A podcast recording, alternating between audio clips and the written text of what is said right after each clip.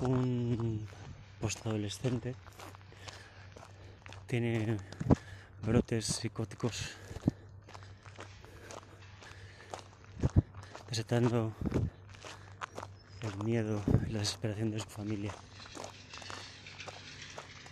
que no sabe exactamente qué hacer así que le ingresa en un centro psiquiátrico. Un mes después sale aparentemente recuperado pero a pesar de los cuidados de su familia, de su intento de cuidar de él, desempoderándolo completamente,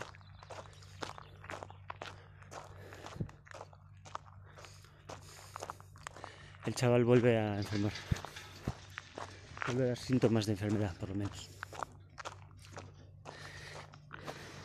En estas que deciden acudir a un curandero por pura desesperación. Por pura desesperación. De otra manera nunca jamás lo habrían hecho.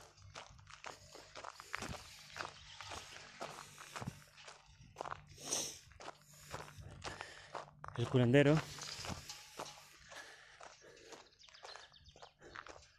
les dice que tiene que llevarse al niño de allí a lo que ellos aceptan medio resignados.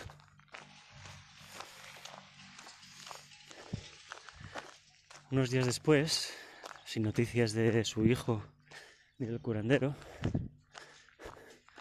el padre empieza a sospechar que ha hecho algo terrible.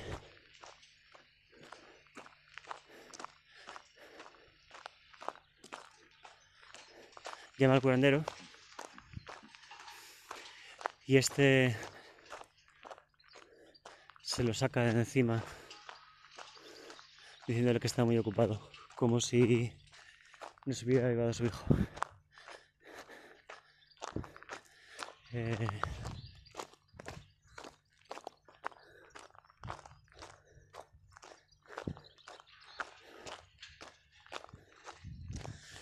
la movida es que el curander tiene que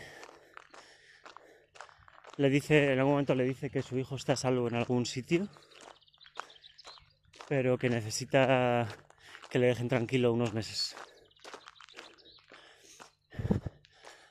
No lo aceptan, la familia no lo acepta. Y, y el curandero les dice que entonces no haber pedido su ayuda. Que si querían su ayuda, él les está ayudando. pero ante, su insistencia decide darles la opción de esperar y confiar o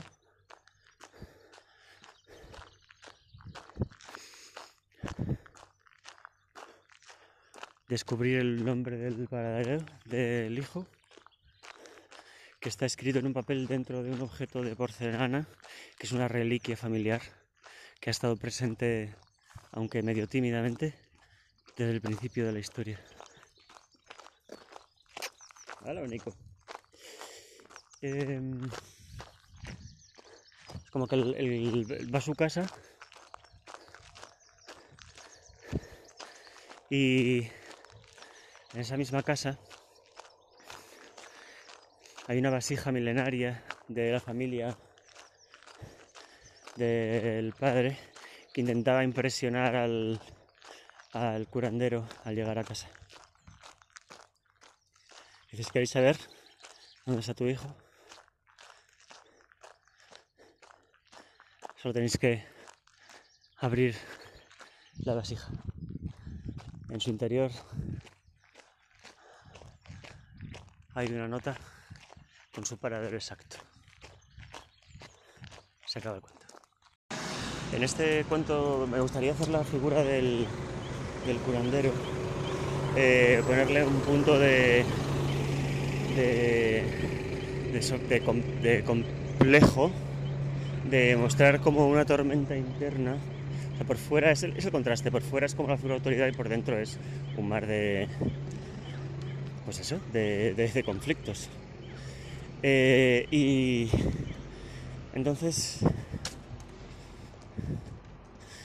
esto se lo podría mostrar repitiendo situaciones tal y como aparecen en su imaginación y luego como se dan en la, en la vida real. Eh, todo esto está inspirado por una conversación que he imaginado en mi cabeza con Héctor, en la que pues, le pido disculpas por... Le digo que siento mucho que esté pasando por este momento solo y le digo que lo único que, lo máximo que puedo hacer por él ahora mismo es mandarle bendiciones, pensar bien de él y, y mandarle amor.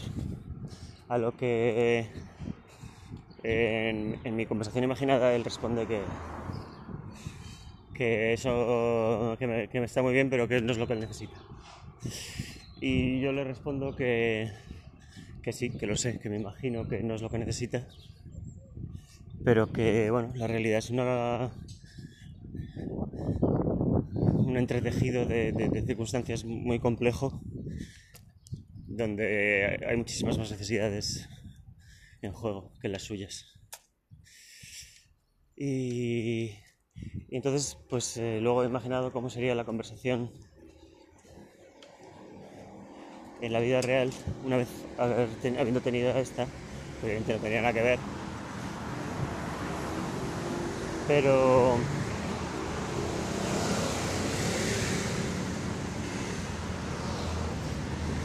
pero me gustaría mostrar al curandero como alguien vulnerable. Y sobre todo sobre todo en las conversaciones imaginadas que se podría leer como que se está preparando para, el ataque o como que, bueno, pasa eso también porque, porque deja sitio a porque deja sitio a, a, la, otra persona para expresarse, ¿no? Y para expresar mm, sus necesidades, incluso las que van en contra de su propia autoimagen. En este caso, pues Héctor diciendo que ya, ya, sí, muy bien, tus intenciones. Pero pero I'm hurting. Y aquí no hay nadie. Estáis quedando todos ahí pasando de mí.